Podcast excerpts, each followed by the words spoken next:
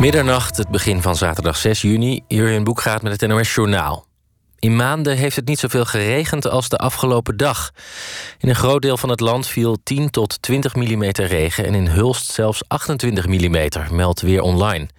De laatste keer dat het zo nat was, was op 10 maart. Toch is de grote hoeveelheid regen bij lange na niet genoeg... om een eind te maken aan de droogte. Daarvoor moet het nog een aantal weken doorregenen... en dat gaat niet gebeuren. De Wereldgezondheidsorganisatie heeft het advies voor het dragen van mondkapjes bijgesteld. De WHO adviseert nu om in publieke ruimte, zoals in winkels en in het openbaar vervoer, altijd een mondkapje te dragen wanneer voldoende afstand houden niet mogelijk is. De WHO is door recent onderzoek overtuigd geraakt van het nut van mondkapjes. In Nederland is het dragen van een mondkapje in het openbaar vervoer al verplicht. De anti-racisme-demonstraties in Utrecht, Enschede en Nijmegen zijn volgens de gemeentes rustig verlopen. Overal zou de anderhalve meter regel zijn gerespecteerd. In Utrecht was de grootste demonstratie. Daar kwamen rond de 3500 mensen bij elkaar op het Jaarbeursplein. De burgemeester riep halverwege op om daar niet meer heen te komen omdat het plein vol was. In Nijmegen zijn twee betogers opgepakt omdat ze een protestbord met een voor politiemensen beledigende tekst bij zich hadden. Basketballegende Michael Jordan doneert 100 miljoen dollar aan organisaties die strijden tegen ongelijkheid en racisme in de Verenigde Staten en de toekomst toegang tot onderwijs verbeteren. In een verklaring stelt Jordan dat hij vastbesloten is om de levens van zwarte mensen te beschermen en te verbeteren totdat racisme is uitgebannen. De komende tien jaar verdeelt Jordan elk jaar 10 miljoen dollar onder de goede doelen. Het weer. Vannacht op de meeste plaatsen droog en een graad of 7. Morgenochtend eerst nog zon, later vanuit het westen opnieuw buien, mogelijk met onweer. Het wordt 13 tot 16 graden. Dit was het NOS Journaal. NPO Radio 1. VPRO. Nooit meer slapen.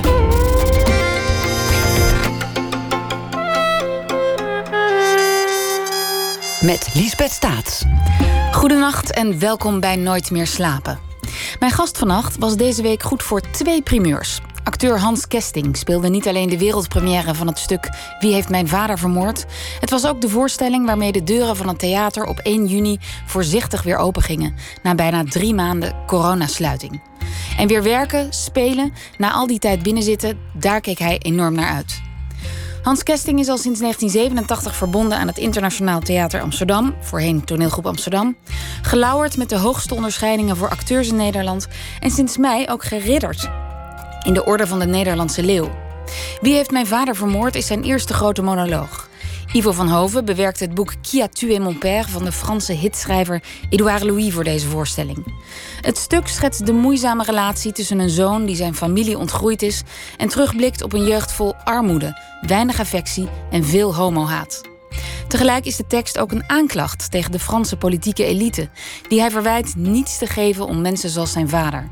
Hans Kesting speelt zowel de zoon als de vader. Welkom Hans. Dank je. Hoi. Ehm, ja, de deuren gingen voorzichtig open, die 1 juni. Er mogen maar 30 mensen de zaal in. Een première is altijd feestelijk. Een uh, spektakel. En dat vier je met veel mensen. Hoe ging dat? Nou, de première bleef nog steeds feestelijk. Al waren het dan maar 30 mensen. Maar de opluchting en de blijdschap dat we eindelijk weer uh, iets konden laten zien. En dan met name voor Ivo en mij dit stuk was er niet minder om. Dus uh, we hebben er uh, net zo van genoten als bij een première waar we normaal gesproken 500 mensen bij hebben. Maar intiemer dan? Intiemer, ja. ja. ja, ja. En ik las um, dat de schrijver, Edouard Louis, er ook was. Ja, hij is op uh, zondag aangekomen. En toen heeft hij het, uh, hadden we een, een, doorloop, een besloten doorloop. Dan speel je het allemaal achter elkaar door. Heeft hij de tweede helft gezien. En uh, op de première heeft hij het helemaal gezien. En hij was bijzonder gelukkig. hij, hij was, ja, Ivo, ik heb hem zelf niet gesproken, maar hij was zwaar onder de indruk. Oh, wat goed. Ja, Want hij spreekt geen Nederlands, neem ik aan? Nee, maar hij spreekt heel goed Engels. En ja. ik heb hem zondag wel even gesproken, maar op de première dacht ja, wil iedereen met die man praten. En dan... Nee, maar ik bedoel in, in, in de voorstelling. Hij heeft het in Nederlands gehoord. Ja, maar hij had wel. Hij, ja, het is natuurlijk zijn boek. En hij had wel de, de, de, de bewerking die Ivo gemaakt heeft toegestuurd gekregen. Dus uh, hij wist wel de volgorde van de, van de, van de scènes die speelden. Ja. ja, ik was er gisteravond met 30 mensen. Uh, steeds vier lege stoelen tussen ons en een lege rij. Ja. dat was eerst heel raar, want je komt in een soort meer dan half lege zaal binnen. En het was ook wel goed voor de concentratie. En het voelde een beetje exclusief. Ja. En hoe, was het, hoe, hoe is het voor jou om te spelen voor zo'n soort zaal? Uh, de eerste keer dat ik uh, opkwam uh, bij een besloten doorloop... en zaten er toch 30 mensen van Internationaal Theater Amsterdam... die waren dan op die plekken gaan zitten... was ik een beetje ja, hoe zeg je dat in goed Nederlands? A taken aback. Omdat het echt gewoon een beetje... Ik zag alleen maar lege stoelen en geen mensen. Dus ik moest even wennen. Ik was een beetje onder de indruk ervan. En bij de tweede doorloop had ik er al minder last van. Bij de première had ik de gewone première zenuwen. En nu, ik heb vanavond ook weer gespeeld... ik wen er langzaam aan. Maar het blijft een vreemd, een vreemd gevoel. Want je hebt het gevoel dat er niemand zit, toch, op een of andere manier. Ik zie geen gezichten. Ik zie schimmen. En ik zie eigenlijk vooral lege stoelen. Maar het, belemmert me niet hoor. Maar, uh... en, en de reacties van mensen, krijg je die mee? Er werd wel gereageerd. Je, je voelde een enorme concentratie vanuit de zaal. Maar er zijn ja, er zitten wel lichte momenten in de voorstelling, maar het is niet zo dat dat een harde lach ont, ontlokt bij de mensen. Zo'n zulke momenten zitten er ook niet in. Gegrin ik wel, maar, maar ik voel wel dat de zaal met me mee is. Maar uh, ik vind het altijd prettig om meer contact te hebben met de mensen. Ja, je bent um, half februari, las ik, begon je met het, met het leren van de tekst. Nou, toen werd het maart, toen gingen alle theaters dicht. Ja. Um, jij was begonnen aan het leren van 24 of 25 A4'tjes tekst. Ja. Wat doe je dan als je al in zo'n leerproces zit? Of misschien was je al klaar zelfs? Nee, het zijn, het zijn 10.000 woorden. En, ik, uh, en bij Ivo van Hoven moet je met gekende tekst komen. En ik ben er ook aan gewend geraakt. En ik repeteer ook het beste met gekende tekst. En we zijn het bij ITA ook gewend. Uh, nee, en toen het uitgesteld werd, was het... Ik kende het als op de dag dat we officieel hadden moeten beginnen. Toen werd het uitgesteld. Toen was het een kwestie van blijven onderhouden. Ja, gewoon met de hond uitgaan naar het Vondelpark. Tekst doen. Snap je? Dus toen we uiteindelijk begonnen, nu drie weken geleden... ja, ik heb geloof ik nog nooit iets beter gekend dan dit. dit vergeet ik nooit meer. uit al je poriën ja, ja. ja, ja. En een monoloog, dan heb je niet de hulp van de cues van je tegenspelers. Nee. Sowieso geen um, nou ja, bakens waar je op kunt wachten. Nee. Hoe leer je dan zo'n tekst? Nou, dat is gewoon. Een, het wonderlijke is dat mensen altijd bewonderen dat acteurs een tekst uit hun hoofd kunnen leren. Terwijl dat is gewoon een voorwaarde om een, om een tekst te kunnen uitspreken. Het gaat erom wat doe je met die woorden. Het feit dat je ze moet leren is geen kunst. De een is daar handiger in dan de ander. Ik heb een grote discipline daarin. Ik bedoel, ik ben in die zin wel, ben ook wel een beetje dwangmatig. Als ik me voorneem iets te doen, dan doe ik het ook. Dus ik, ik stond iedere ochtend om half negen op maakte koffie en leerde een A4'tje. En dan herhaalde ik dat A4'tje de hele dag. En dag twee herhaalde ik het A4'tje van de dag ervoor. En leerde ik pagina 2 en herhaalde ik die twee pagina's. En zo drie pagina's, vier pagina's, zeven. Tot ik ze alle, wat zijn het, 24 geloof ik, aan mijn hoofd ken. Ja. Ja, maar dat is gewoon dom leren. Ik bedoel, er is echt geen kunst aan. het nou. gaat om wat je, wat je met die woorden doet. Dat onderscheidt de ene speler van de andere. En nog één stap terug bij dat leren. Mhm. Ehm, want ik kan me voorstellen dat als jouw tegenspeler zegt uh, bos, dat jij dan denkt: oh, ik moet, ik, mijn, mijn zin gaat nu over een boom of zo. Maar hoe doe je dat met een monoloog die echt alleen voor jou is? Heb je ezelsbruggetjes? Ja, ja, rare ezelsbruggetjes. Die kan ik nou eigenlijk niet uitnoemen. Die kan ik niet opnoemen nu. Maar ik heb wel rare uh, bruggetjes in mijn hoofd. Die maken dat ik denk van... oh ja, nu komt dit ja. En nu komt dat. Ja, dan maak ik linkjes, maar ik kan u geen voorbeeld geven meer. Het zit nu zo geramd in mijn hoofd, ik hoef er niet meer over na te denken, snap je? Nee. Zelfs toen Ivo tijdens de, uh, repetities de volgorde veranderde... Er, zijn nog, er is in de volgorde van de, van de teksten is er een verandering... was het moeiteloos voor mij om dat uh, in mijn hoofd te veranderen. Ja. En dan, dan start zo'n repetitieproces... En dat is dan tussen jou en in dit geval Ivo van Hoven. Ja. Hoe gaat dat? Uh, zijn er meer mensen? Nou, er zijn natuurlijk meer mensen. Je hebt Ivo, je hebt Jan van die de scenografie doet. We hebben George Douw, die heeft de sound, uh, het geluidsdecor gemaakt. Je hebt een technisch team. maar goed, het, het, is vooral, het gaat vooral tussen Ivo en mij. En, en Jan Verzwijfeld, moet ik zeggen. Ja, dat is een heel intens proces. En ik heb natuurlijk al veel met Ivo en Jan gewerkt... maar altijd in grotere groepen. Nu had ik al die aandacht exclusief voor mezelf. En kon, konden zij alleen met mij werken. En dat was een geweldige ervaring, ja. Omdat je, ja, we kennen elkaar zo goed en we werken zo graag met elkaar. En voor Ivo is het zo'n uh, verademing om na West Side Story, wat een enorme productie was, opeens op de, op de vierkante meter te werken. Ja. En daar geniet hij van en ik genoot ervan. En het werkproces was Ik heb van die 2,5 week onwaarschijnlijk genoten. En hij ook. Dat hebben we tegen elkaar uitgesproken ook. En we zijn ook echt heel erg trots op wat we gemaakt hebben. Ja. En je zei net toen we elkaar ontmoeten... ja, ik ben niet zo heel snel trots, of ik zeg dat niet zo snel. Nee. En, waar zit het hem in, in deze voorstelling? Omdat het een uitdaging was om deze tekst op toneel te brengen. Omdat het een, uh, aan de ene kant een, een, een, een, een, een, een, liefdevolle beschrijving van een zoon is... Uh, over het zware leven van zijn vader. Dat naar het einde toe kantelt in een aanklacht aan de politiek. En ik was bang dat het politieke deel misschien te drammerig over zou komen. Maar het is allemaal samengekomen. Het is en die liefdevolle uh, dat liefdevolle verhaal van die zoon over die vader, dat zware leven van die vader. Ik ben erin geslaagd om en die zoon en die vader en een beetje ook die moeder te kunnen spelen. En dat politieke deel, dat werkt ontzettend goed. Het is gewoon gelukt, ja. Ik bedoel, soms Wat kun je, fijn, ja. ja, ik bedoel, ik, ik zal niet snel zeggen dat is gelukt, maar dit is gelukt, ja. Ja, nou. En, en bedoel, iedere andere regisseur en iedere andere acteur hadden er weer iets anders van gemaakt. Wij hebben er dit van gemaakt en dat staat als een huis. Het is een aangrijpende voorstelling. Dank dat je. is zeker waar. Um, wat raakt jou in het verhaal voordat, voordat dit een monoloog was? Want je ging het boek lezen, je had ook Het milieu toch ook, ja. Het, ik kom niet uit, een, uit zo'n... Ik bedoel, Edouard Louis komt echt uit de onderklasse, uh, snap je? Zij noemt hij waren dat, echt hè? arm. Onderklasse, ja. Ja, onderklasse, noemt hij het zelf ook. Ja. Onderklasse. Zij waren ook echt arm. Hij werd af en toe door zijn moeder de deur uitgestuurd... om bij de buurvrouw pasta te, te, te, te vragen. Of, of te vragen, heeft u misschien vijf euro voor ons? Uit zo'n armoede kom ik niet. Maar ik kom wel uit een heel eenvoudig Rotterdamse arbeidersgezin. Liefhebbende vader, liefhebbende moeder. Mijn vader dronk gelukkig niet. Uh, maar er was ook niet veel gesprek over gevoelens. Ik moest mijn best doen op school. En voor de rest moest ik eigenlijk niet zeuren.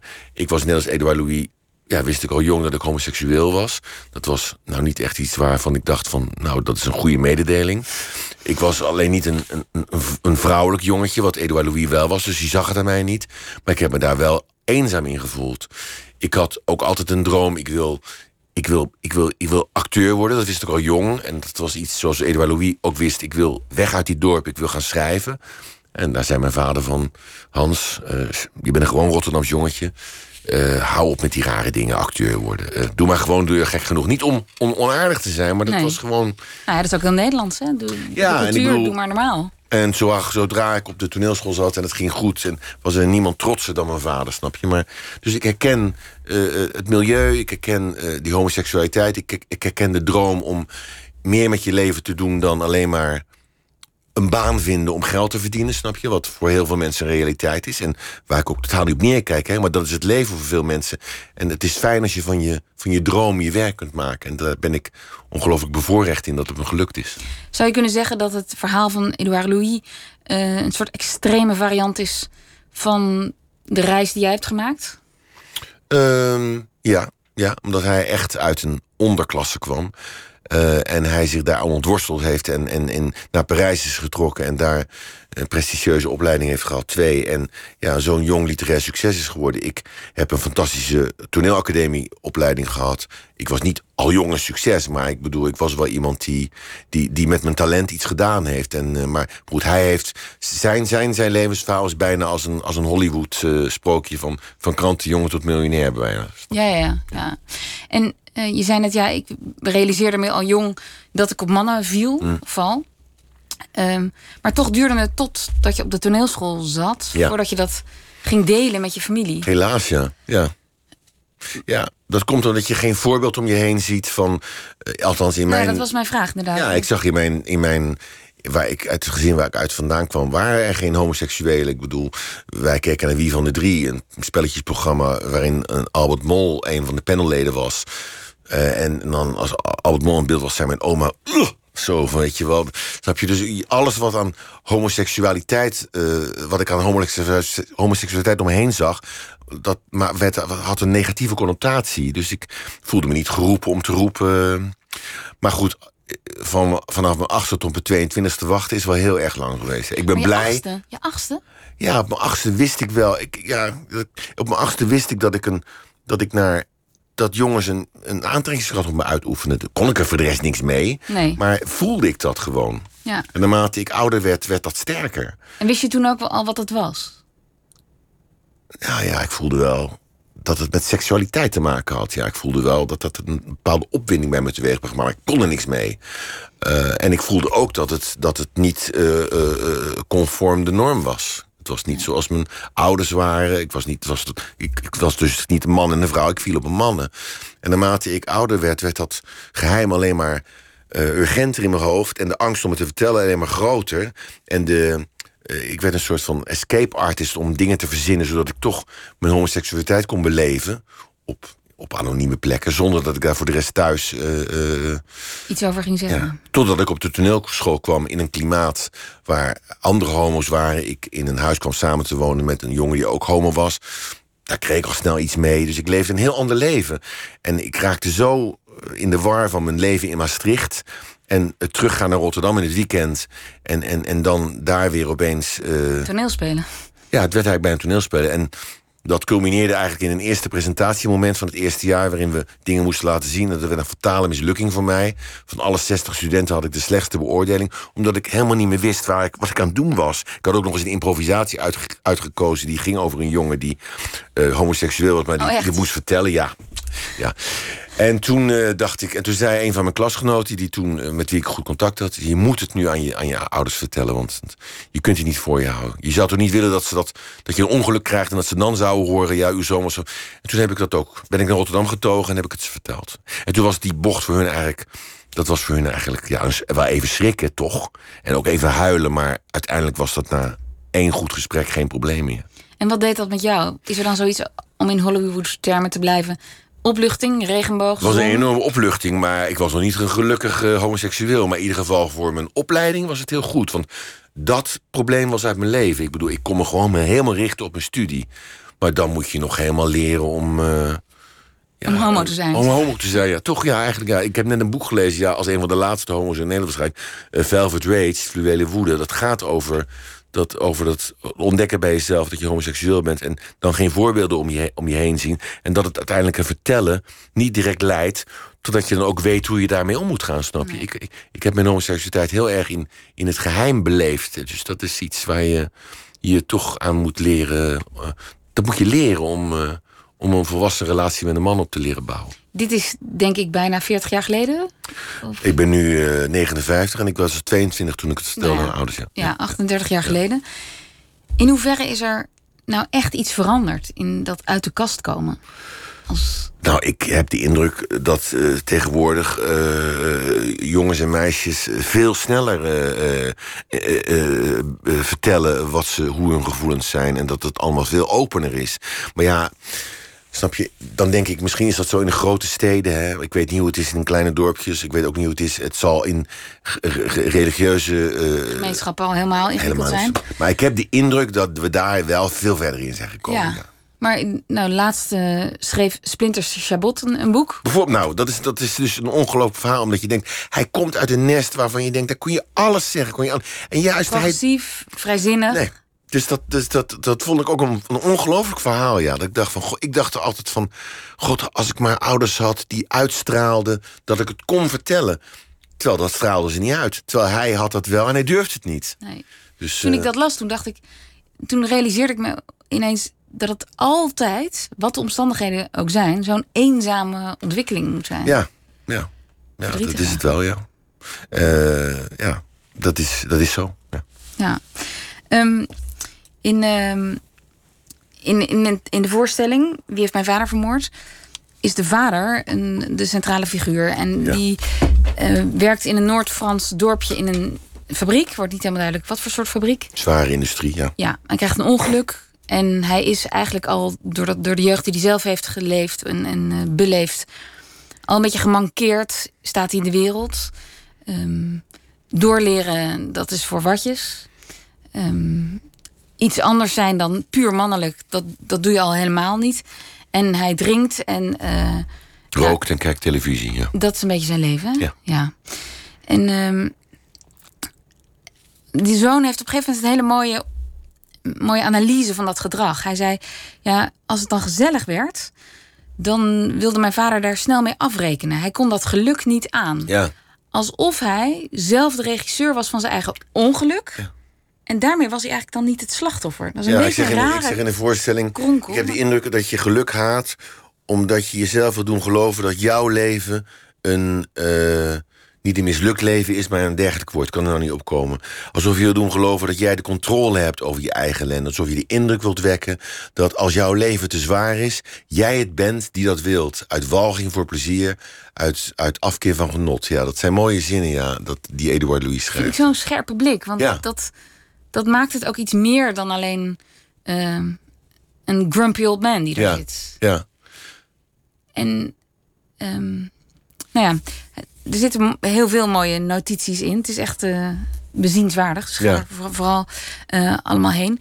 Nog, eh, die Edouard Louis, die is niet alleen geschokt en teleurgesteld in zijn jeugd. Maar wat ik er heel mooi aan vind, hij gaat terug naar zijn jeugd en probeert te begrijpen waarom hij zo is opgevoed zoals hij is opgevoed. En waarom zijn ouders deden zoals ze tegen hem deden. Hij, dat maakt het ook heel liefdevol. Ja, en ik geloof niet eens dat hij zo. Want daar sprak ik hem zondag nog over. Het is niet zozeer dat hij geschrokken is van hoe hij is opgevoed. Dat is zijn leven geweest. Zijn leven is niet alleen maar ellende geweest, zei hij zondag. Hij heeft ook een heel veel vrijheid gekend. Maar waar hij van geschrokken pardon, is. Was toen hij zijn vader na zes jaar weer zag. Omdat zijn vader gehoord had dat hij een boek uit had, uit, uit had, had geschreven. dat het een succes was. Eh, Belde die vader hem op na zes jaar. Ik wil je graag zien, ik wil je graag spreken. Ze zagen elkaar niet meer omdat ze ruzie hadden. maar omdat ze hele andere levens hadden. Toen is hij naar het dorp van zijn vader gereden, per trein. De vader deed de deur open en waar hij van schrok was... dat hij zijn vader zag van net 51, die hij letterlijk niet meer herkende. Een man die, die een wrak was, fysiek en mentaal. Daar schrok hij van. En hij was toen bezig aan een ander boek. En hij voelde zo'n noodzaak om dat boek te laten liggen... en juist eh, Wie heeft mijn vader vermoord te schrijven... omdat hij wilde dat lezers in een boekje van... door wat je anderhalf uur lezen kost... kennis zouden nemen van het leven van zijn vader... en hoe Edouard ziet, vindt dat de politiek daar eh, verantwoording voor draagt. Voor het leven van zijn vader en talloze levens van talloze vaders... in talloze kleine dorpjes, in talloze landen.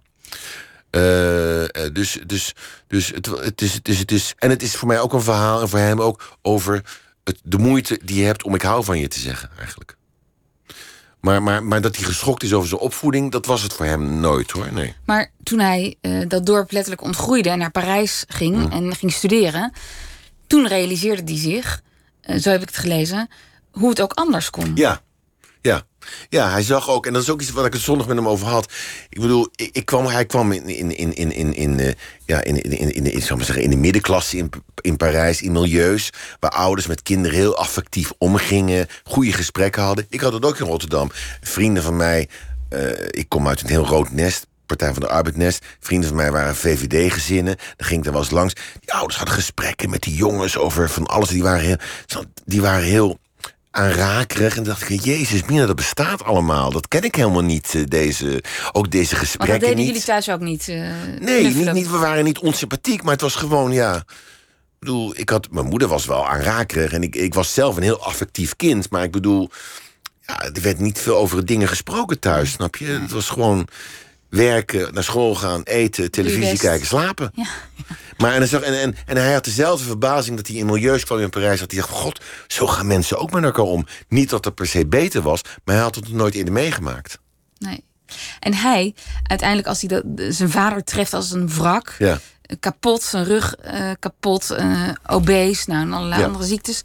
Ehm, wie heeft mijn vader vermoord? Hij besluit dat boek. Ja, de politiek heeft mijn vader vermoord. Ja.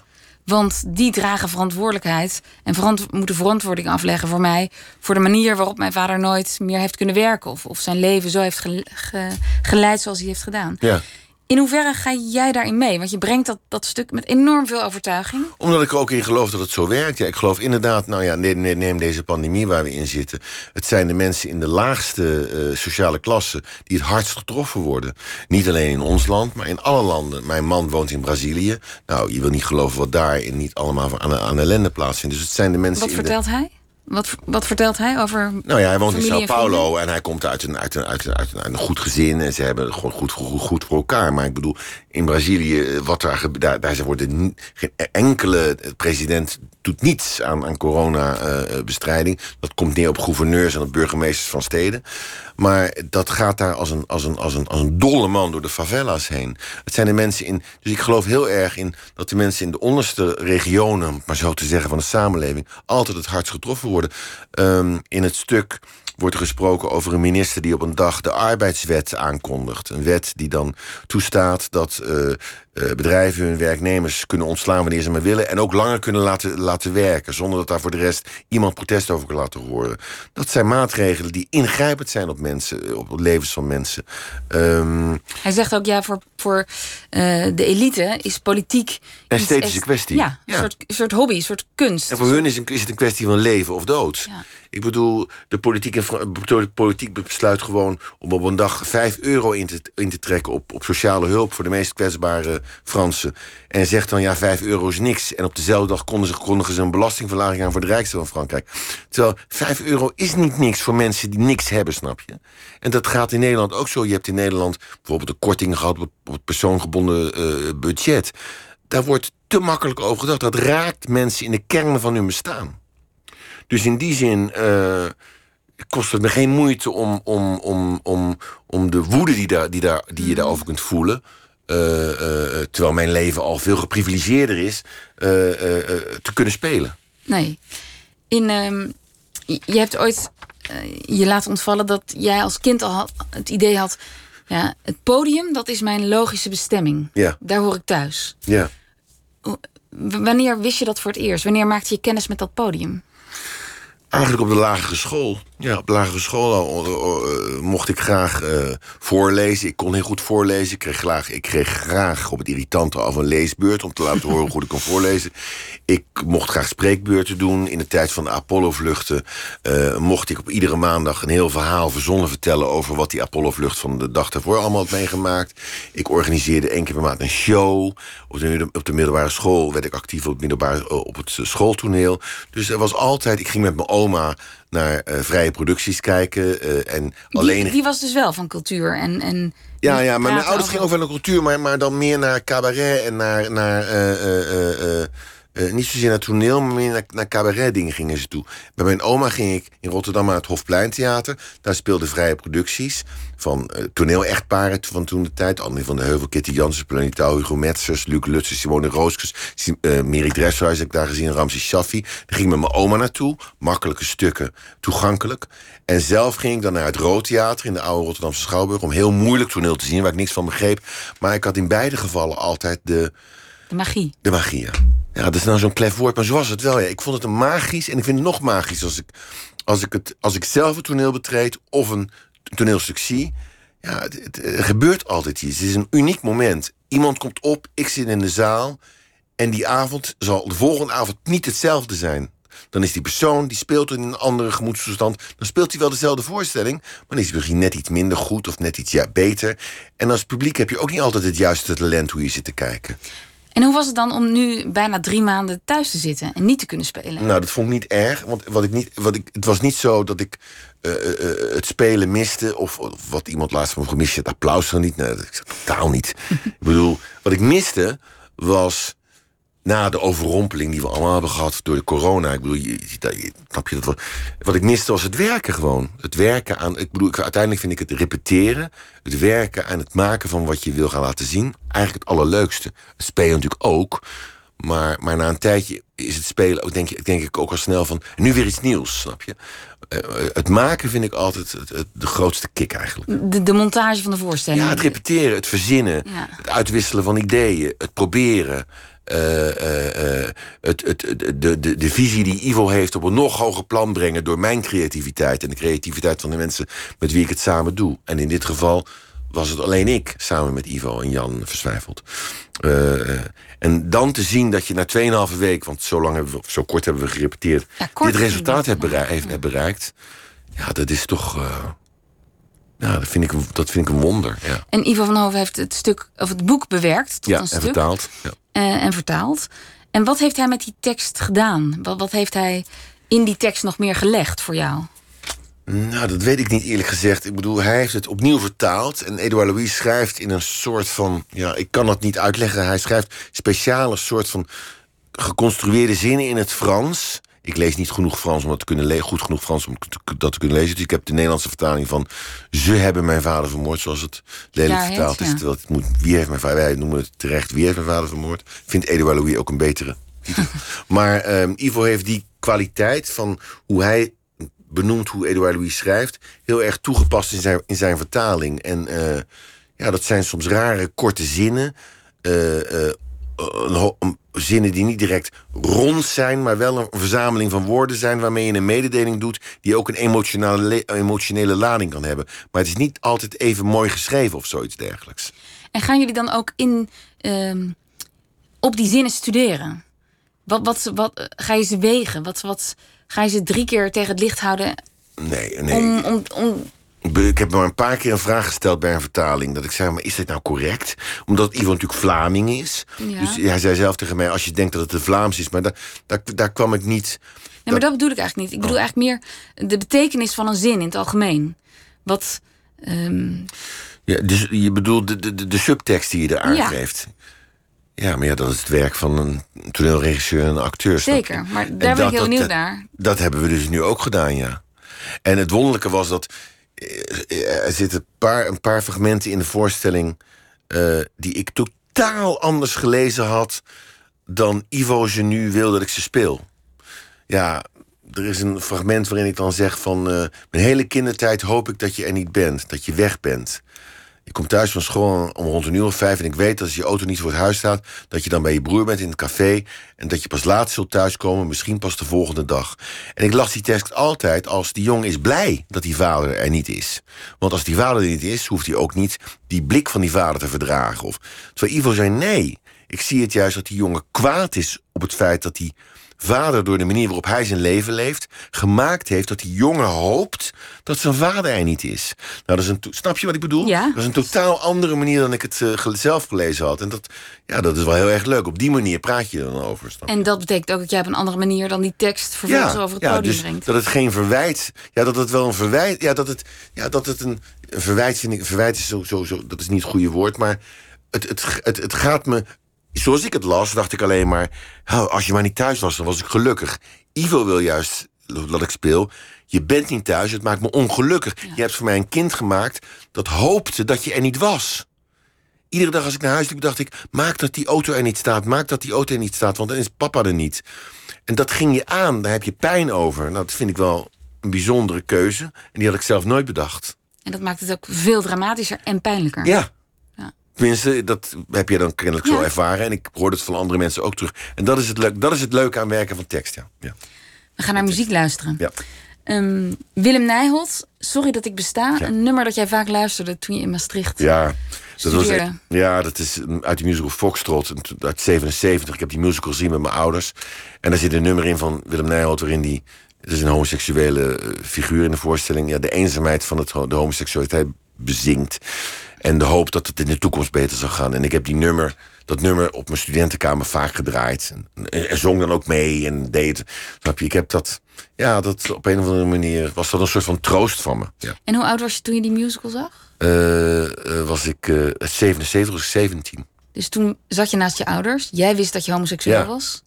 En ik zat genageld toen je dat liedje zong, ja. Er moest toch ook een liedje zijn, al was het alleen maar het refrein. Al waren het maar twee regeltjes over Romeo en Julius. Maar we zijn er niet aan toe. Taboe, taboe. Geen aria's, geen aria's voor de paria's.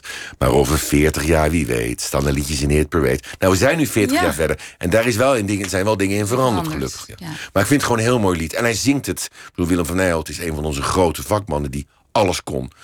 Acteren, zingen, dansen. En ik bedoel, hij zingt het heel erg mooi. Willem Nijholt, sorry dat ik besta.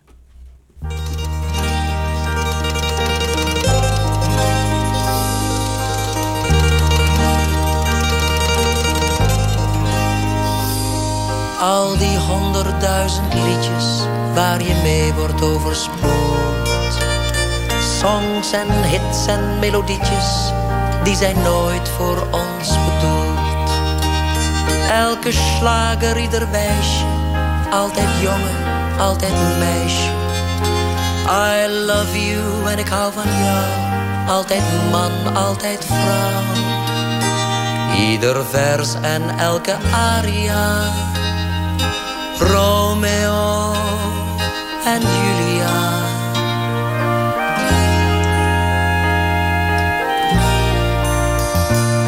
Want zo is het toch, mijn jongen, Nooit is er een lied gezongen over de verboden kus van Romeo en Julius, want daar zijn we nog niet aan toe. Taboe, taboe, geen aria's, nooit aria's voor de paria's. Veeg ons maar weg, wrijf ons maar uit. Wij zijn de vlek op het schone tafellaken van de nette erotiek.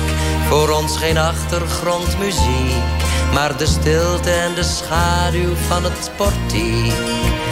Liedjes klinken om ons heen, zo gewoon en zo algemeen. Als confectie van CNA, altijd Romeo, altijd Julia. Daar is de liefde voor bedoeld. Romeo en Julia, en dit is wat je denkt en voelt. Sorry dat ik besta, nooit in de zon, nooit in het licht, nooit op een feestje met ontroerde ouders. Geen serpentines versierde tent, geen tranen en geen sentiment. Voor ons geen smachtende violen bij het happy end. Er moest toch ook een liedje zijn, al was het alleen maar het refrein. Al waren het maar vijf regeltjes over Romeo en Julius, maar we zijn er niet aan toe. Taboe, taboe, geen aria's, nooit aria's voor de paria's. Maar over veertig jaar, wie weet, staan er liedjes op de hitparade. Niet alleen maar over hij en zij, maar ook over hij en hij. Liedjes over hem en hem. Zonder aarzeling of rem. Dan speelt elke muzikus, dan zingt iedere romanticus. Heel gewoon, zo is het dus. Romeo en Julius. Parabaram. Da.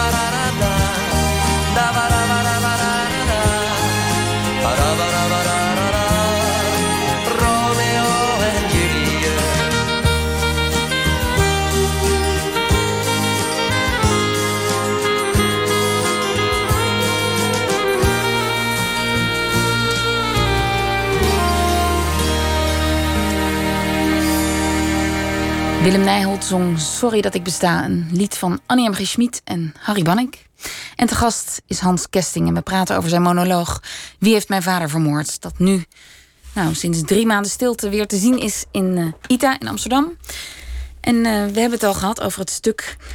En ik eh, vroeg me nog één ding af.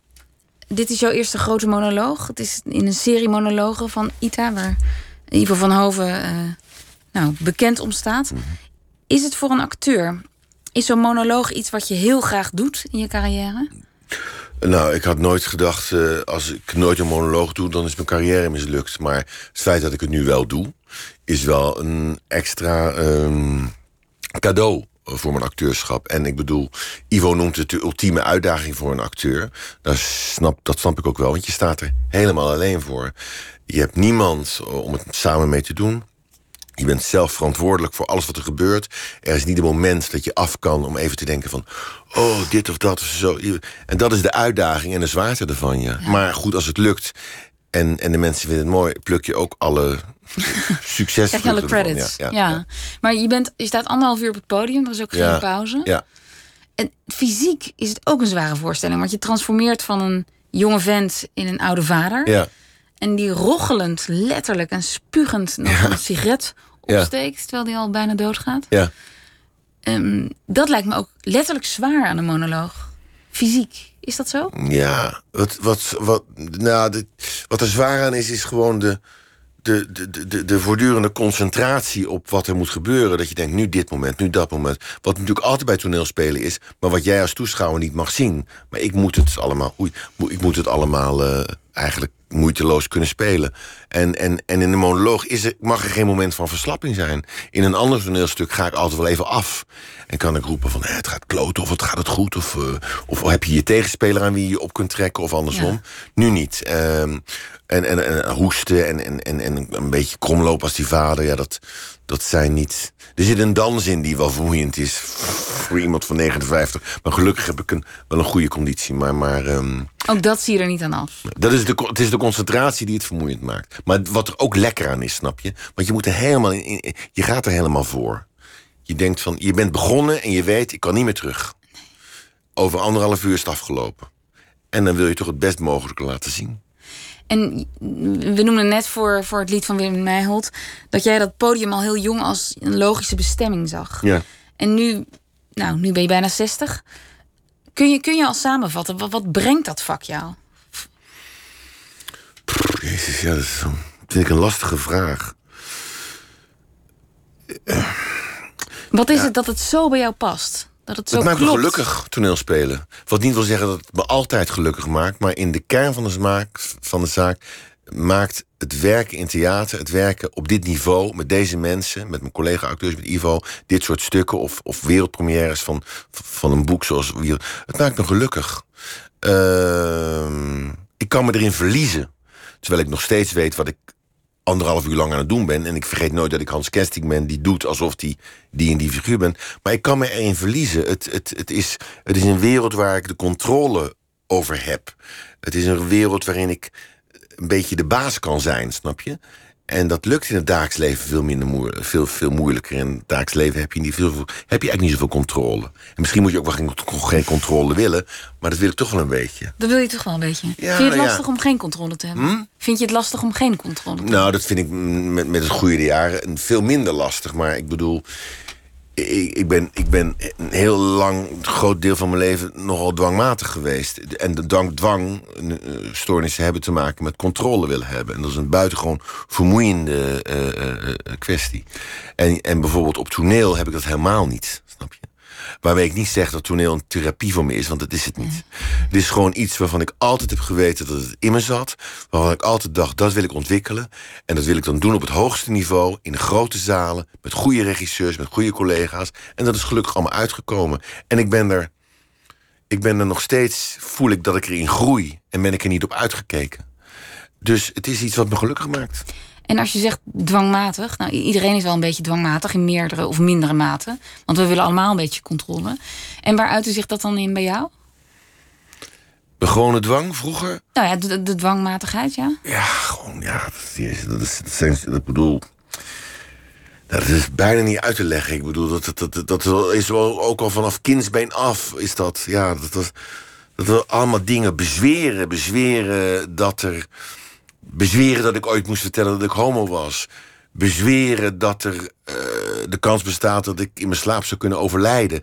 Bezweren dat mijn ouders zouden overlijden. Bezweren dat dit. Het heeft allemaal met bezwering te maken. Maar dat is door de jaren heen veranderd. Uh, de periode was het dat ik gewoon dacht van. Ja, dan moest ik een bepaald gevoel hebben. En als ik het gevoel. Ja, het wordt te vaag. Nee, nee, nee, nee, nee, ik kan je heel goed volgen. Want dat Ja. herkennen we ook allemaal. Ja. Maar dat bezweren, Ja. het is je wel gelukt om eh, te bezweren dat je niet in je slaap overleden bent. Nou, het is, dat- niet, het is me niet gelukt, want ik ben niet overleden. Maar het heeft niks met mijn bezwering te Maar wat maken. waren, je, wat waren je mechanismen? Waar viel je op terug? Jezus, Lisbeth, het is moeilijk om te zeggen. Dat waren soms hele eindeloze zinnen die ik voor mezelf moest herhalen. Je moet niet denken dat dit of dat je kan, over, kan, kan overkomen, want dat komt voort uit foute gekte. Daar moet je niet op ingaan, want dat is onzin. Stop, klaar. En als ik dan zo'n zin aan het bedenk, zeggen was, en jij zou iets aan mij vragen, dan werd ik gestoord in dat proces. Dus dan moest ik het twee keer doen van mezelf. En soms duurde dat eindeloos, snap je? Raakte je verstrikt. Maar ik bedoel, het heeft zich al in allerlei vormen heeft het zich bij mij ontwikkeld. Ik moest me soms op plekjes op mijn lijf aanraken... omdat daar een speciaal gevoel had dat ik weg moest krijgen. Ja, luisteraars denken nu dat ik net te gek ben. Het is niet zo, luisteraars. Maar ik, Nou, ik dat- denk, ik denk eigenlijk dat heel veel luisteraars denken... oh, dat, dat herken ik. Ik Ik hoop dat het, het, ja. lichtknopje vijf keer aan en uit doen, bij wijze van Nou ja, zulke simpele dingen die heb ik dan nooit gehad. Ik heb ook nooit gehad dat ik mijn handen moest wassen. Maar ik, ik bedoel, het heeft zich in alle vormen gedaan. De laatste jaren van mijn leven ben ik het, ik, kan ik het loslaten. Heb ik geleerd om te denken... om letterlijk tegen mezelf hetzelfde te zeggen: Hans, die dwang is onzin. Je bereikt niks door toe te geven aan dwang. Je roept niks over jezelf af als je het niet doet. Je bereikt er niks mee als je het wel doet. Het is onzin. Het is een, het is een game of je mindfuck game. Het gaat over controle willen hebben. Laat het los. Laat het los. Je hebt geen controle. Je hebt controle over opstaan en zitten en, en uh, iets te eten pakken en, en, en, en uh, dit spelen in een voorstelling. Maar dwang maakt niet dat ik mijn rol beter ga spelen. Dus ik, ik, ik, heb, ik heb geleerd om. Maar dat is echt knap dat je dat geleerd hebt. Ja, maar dat is, dat is ook een beetje therapie natuurlijk. En, en, en ook gewoon omdat je. Dwang is ook iets waar je heel erg moe van wordt, snap je? Heel erg moe van wordt. Als je het heel druk hebt met al die dingen doen. Ja, en ook nog dwang moet hebben. Ja. Een gesprek moet hebben met jou. Wat ik nu niet heb, hè. Dat is, maar ik kon, ik kon praten met mensen. En tegelijkertijd bezig zijn met een dwang. En dan, dan uh, snap je? En, maar op toneel had ik dat nooit, hè? Nee. Op toneel kon ik vlak voordat ik opgang, opging nog bezig zijn met dwang. Maar dan was ik op en dan was ik gewoon voor 100% bezig met wat ik dan aan het doen was. En ik dat... moet opeens denken aan een vergelijking. Er zijn bijvoorbeeld mensen die stotteren. En als die zingen, stotteren ze niet. Ja. Is het zo'n soort bevrijding als je dan op het toneel staat? Nou ja, ja. Stond? Ja. Ik bedoel, ik, ik, dan, dan, dan, dan, dan kon ik denken van... oh, ik heb deze dwang niet afgedacht. Ik kom vast niet bij mijn gevoel straks als ik speel. Het gaat niet lukken. Het wordt niks. Maar je moet nu op, want je moet nu op. En dan kwam ik af en dacht, want het is hartstikke goed gegaan. Ik heb die dwang helemaal niet meer bedacht. Ik heb helemaal niet meer aan die dwang gedacht. Zie je wel dat dwang onzin is? Maar goed, het heeft net zolang als het me lang geduurd heeft om te vertellen dat ik homo ben, heeft het me eigenlijk lang geduurd om die dwang los te kunnen laten. En soms, als ik moe ben of, of beetje depri, kan het duiveltje van die dwang nog wel eens aan mijn binnenkant van mijn schedel kloppen. Maar dan trek ik een lange neus ernaar en dan denk ik van, zoek het maar uit. Maar dat zijn twee grote dingen. Um, langer over doen om, om over je geaardheid te vertellen. En om van zoiets als een dwang af te komen. Kunnen we dan concluderen dat het nu heel goed met je gaat? Ja, maar daarmee zeg ik niet dat het vroeger niet goed met me ging. Helemaal niet, want ik bedoel, ik, ik, ben, ik ben niet daardoor per se heel jaar... ongelukkig geweest. Maar ik heb. Zat je wel in de weg, zei net, in dat eerste jaar van je studie bijvoorbeeld? Dat het... Ja, ja, maar ja. goed, toen ik mijn homoseksueel. Maar toen ik vertelde dat ik homo was, uh, kon ik me in ieder geval helemaal geen richten op die studie. Maar was ik ook nog wel dwangmatig, snap je? Dat is gewoon, heeft altijd. Ja, ik bedoel, ja. Ik, ik, soms heb ik, zie ik mezelf, heb ik mezelf in mijn leven als zo'n man die allemaal van, van die, van die stalen, van die, van, die, van, die, van die dingen heeft... waar die borden op rond laat draaien. Dat je denkt, en nog een bord, snap je? En dat bord moet ook weer blijven draaien. Ik, snap je, ken je, ken je het beeld? Ja, ja, zo'n Chinese Ja, precies, ja. ja. Zo voel ik, heb ik het wel eens gevoeld in mijn leven. Ik denk van, dat bord laat ik ook nog draaien... en dat bord laat ik ook nog draaien. En tegelijkertijd doe ik dit. Dat kon ik dus kennelijk allemaal. Maar nu heb ik al die afleidingen niet meer in mijn leven. Ik kan me nu veel meer... Ik ben nu veel... Ook door, door, ja, ook door meditatie... Ja, en door ouder geworden. Door ouder worden gewoon. Door je ouders verliezen. Door. Ja, door ouder worden gewoon. Door, door, succes hebben in wat je doet. Uh, dan krijg je bevestiging van andere dingen of zo. Ja, er ontstaat een rust. Ja. Terwijl ik altijd bang ben om, om, om door de man te vallen. Om, of om dat, me, dat mensen denken van nou, het is toch een vergissing eigenlijk. Zo'n goede acteur is het ook weer niet, snap je? Na al die Louis Doors. Na al die Louis Doors. Ja, maar dat zegt niks. Ik bedoel, het maar voor één ding, snap je? Die, die, die, daar ben ik wel heel blij mee. Maar ik bedoel, ik denk niet als ik naar die twee Louis Doors kijk ik kan alles, snap je? Je moet het altijd maar weer doen. Je moet het altijd maar weer... Toneelspelen is niet makkelijk als je het op het niveau doet... zoals wij het bij Toneel op Amsterdam moeten. Het vraagt veel van jezelf. Het vraagt veel van de man die het met je wil maken, of de vrouw... en van degene, zoals ik, die het doet. Mm -hmm. we, we, we, kiezen nooit voor makkelijke oplossingen. Dat maar, dat, maar dat, is, dat is één ding, hè? Dat, de kwaliteit. En, en nou ja, de, de prijs die daarvoor betaald wordt. Maar het is iets anders als je denkt straks val ik alsnog door de mand. En is het toch een vergissing dat Hans Kesting ja, acteur is? Maar dat is misschien geslecht. Dat is niet een. een bedoel, er is een, er, is een, er is een groot vertrouwen in mezelf. En een, gezond, een gezonde onzekerheid dat, dat ik het altijd maar weer moet laten zien. En dat vind ik ook, dat vind ik ook een goede houding. Uh, en ik zie eigenlijk van iedereen in, om me heen uh, die ik bewonder in, in, in, wat ze in ons vak, zie ik eigenlijk dezelfde houding. Ik zie niemand die zegt van, ja hoor, ik ben, ik die ben en die. Ik ben er, nee. nee. nee. Wat is je grootste talent als acteur? Ik denk mijn bezetenheid om het zo goed mogelijk te willen doen. En mijn, mijn, mijn, mijn, mijn bereidheid om me volledig te geven aan, uh, aan het project waar ik, waar, waaraan ik werk. Ik bedoel, als ik iets aan het maken ben, ben ik er 24-7 bijna mee bezig, snap je? Het is niet iets wat ik alleen maar doe in repetitietijd. Ik denk erover na, ik lees erover, ik zoek dingen op, ik bedenk dingen, ik, ik, ik, ik, ik, ik, ik ben bereid om, om, om, om, om heel veel van mezelf te investeren in wat ik aan het maken ben. Ja, mijn bezetenheid van, van, van, van dit vak. Ik denk dat dat. En, en, en ook wel een zekere mate van discipline moet je hebben, ja. Nou, nogal, als ik, als ik hoor hoe je... Ja, terwijl ik tegelijkertijd heel ondisciplinair kan leven. Maar ik bedoel, waar het mijn vak betreft... Uh, uh, ben ik echt gewoon... Uh, ja, de bespotten, zou ik maar zeggen. Snap je? Laat ik, dat ben ik nooit slordig of zoiets. En, maar dat is, dat is misschien één ding, want er zijn ook mensen die dat misschien hetzelfde hebben, maar dan niet de hoogte bereiken die jij bereikt. Ja, ja. Ja, ik dat weet, kan ik niet uitleggen. Ik bedoel, ik weet het niet. Ik kan, ik kan, dan moet ik over mezelf een loftopet gaan afsteken. Dat weet ik niet. Ik bedoel, ik, ik, ik. Wat weet je dat je goed kan? Dat weet ik niet. Ik, ik weet dat ik goed kan toneel spelen, maar, maar ik weet ook dat ik het soms ook niet goed doe. Dus ik het niet altijd goed doe. Ik moet ook leiding hebben. En er moet ook iemand naar me kijken. Zoals Ivo bijvoorbeeld. Maar ook andere regisseurs die ik gewerkt heb. Want ik kan soms ook te veel doen. Mhm. Te ver gaan. Te wild zijn. Uh, snap je? Uh, maar door het, door, door het klimmen van de jaren ben ik wel economischer geworden in wat ik doe op toneel. En dat is wel iets waar ik de aantrekkelijkheid van in ben gaan zien. Ja. Economischer? Ja, met minder, meer bereiken. Minder energie of minder. Nou, niet minder energie, maar, maar, maar met minder, met meer proberen te durven te zijn op toneel. Mhm. En de tekst te zeggen. Dat dat soms al voldoende is. Weet je wat zo wonderlijk is? Als je, soms als je heel moe bent, of je hebt bijvoorbeeld een kater en je moet spelen, dan speel je soms heel goed. Omdat je dan eigenlijk die, al die ambitie die je, die je kunt voelen niet hebt. Je moet nu spelen en dan ben je heel erg ontspannen. En toen, goed toneelspelen gebeurt vanuit ontspanning. Ja. Net zoals voetballen ook vanuit ontspanning. En tennis gaat ook vanuit ontspanning. Je moet ontspannen zijn. Terwijl je tegelijkertijd in die krankzinnige situatie van jij kijkt en ik speel... het moet doen alsof je die persoon bent. Maar als je moe bent, dan ben je minder... Ja, dan speel je gewoon precies wat je moet spelen. Dan doe je niet meer en niet minder. En soms is het heel erg uh, heel vaak, zie ik het bij mezelf en bij anderen, is dat heel erg spot on. Omdat je dan gewoon niet zo. Uh... Fanatiek bent of zo. Ja, ja, dat, dat ja. Er zit een soort laagje overheen. Ja, je bent dan, het is een beetje laid back. En, en toch is het er allemaal. Het is scherp. Maar het gebeurt vanuit een misschien wel grotere ontspanning, of in dit geval vermoeidheid. Is het, toch, is het toch allemaal? Kom je makkelijker bij je gevoel? Uh... Pleidooi voor de kater, dus eigenlijk. Ja, maar dat, dat, zo is het dus niet. Nee. Je bent al sinds 1987 bij ITA? Ja, met wegwezen natuurlijk. Ja. Nou ja, je bent twee keer weggegaan. Ik ben, ik ben van, van 87 tot 99 bij Toneel op Amsterdam geweest... onder leiding van Geert-Jan Reinders. Toen heb ik een paar jaar televisie geprobeerd. En toen kwam Ivo en die is daar nu vanaf 2002, geloof ik.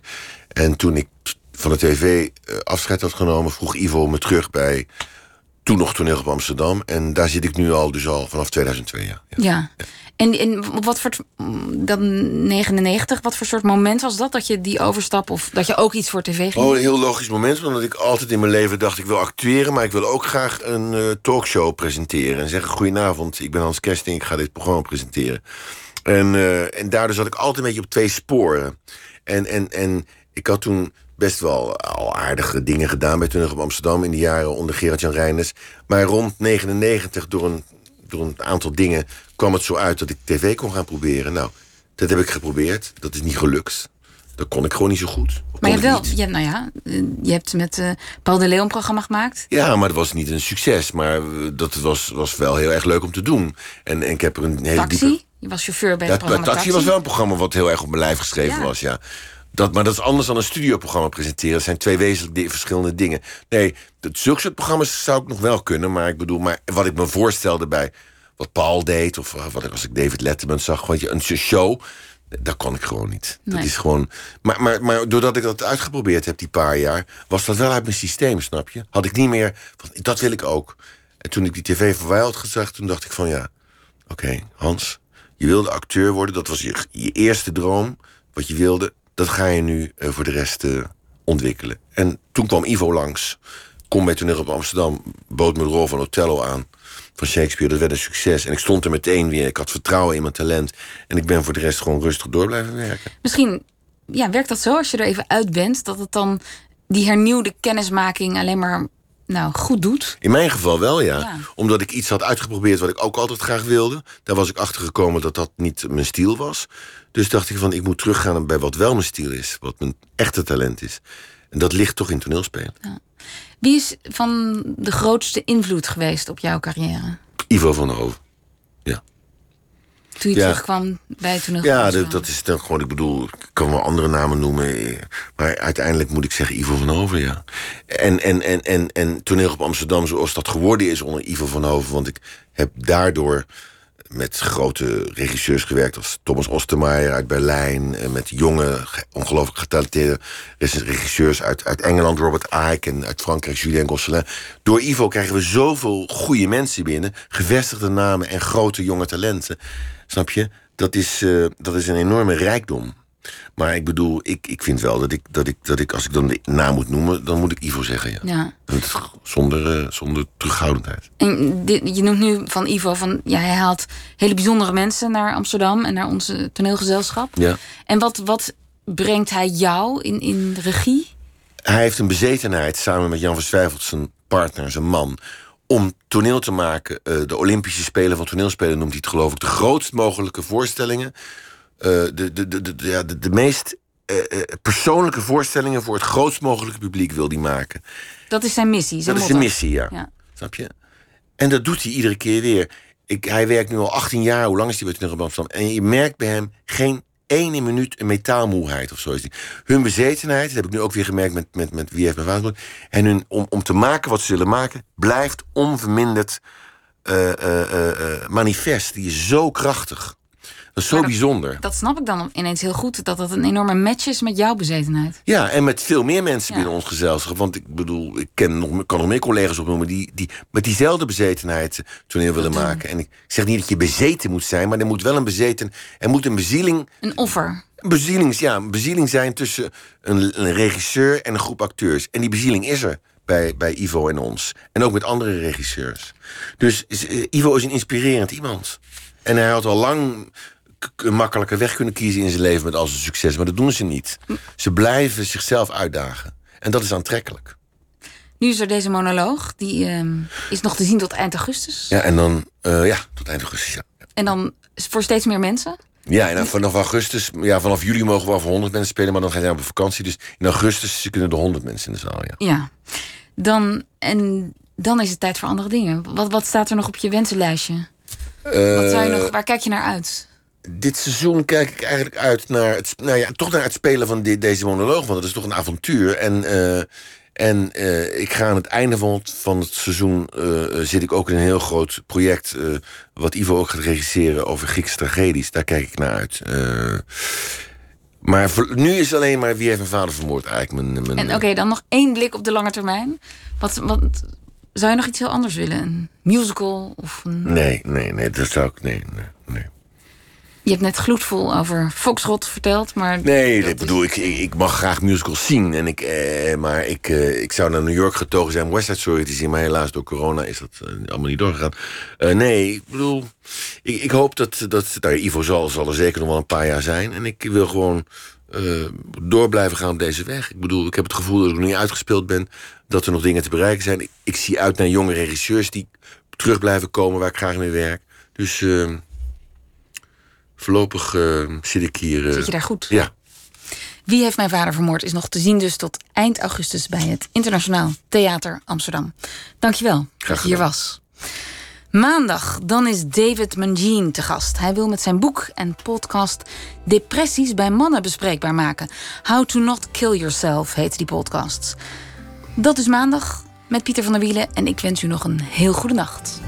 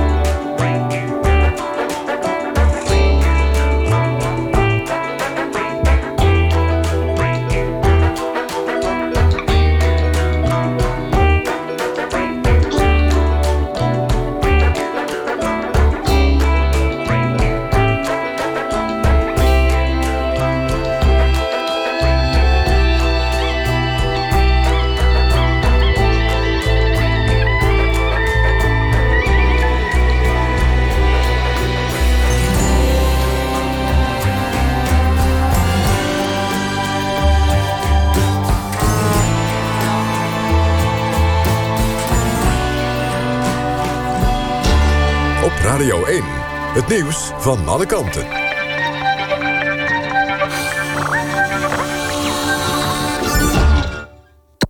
NPO Radio 1.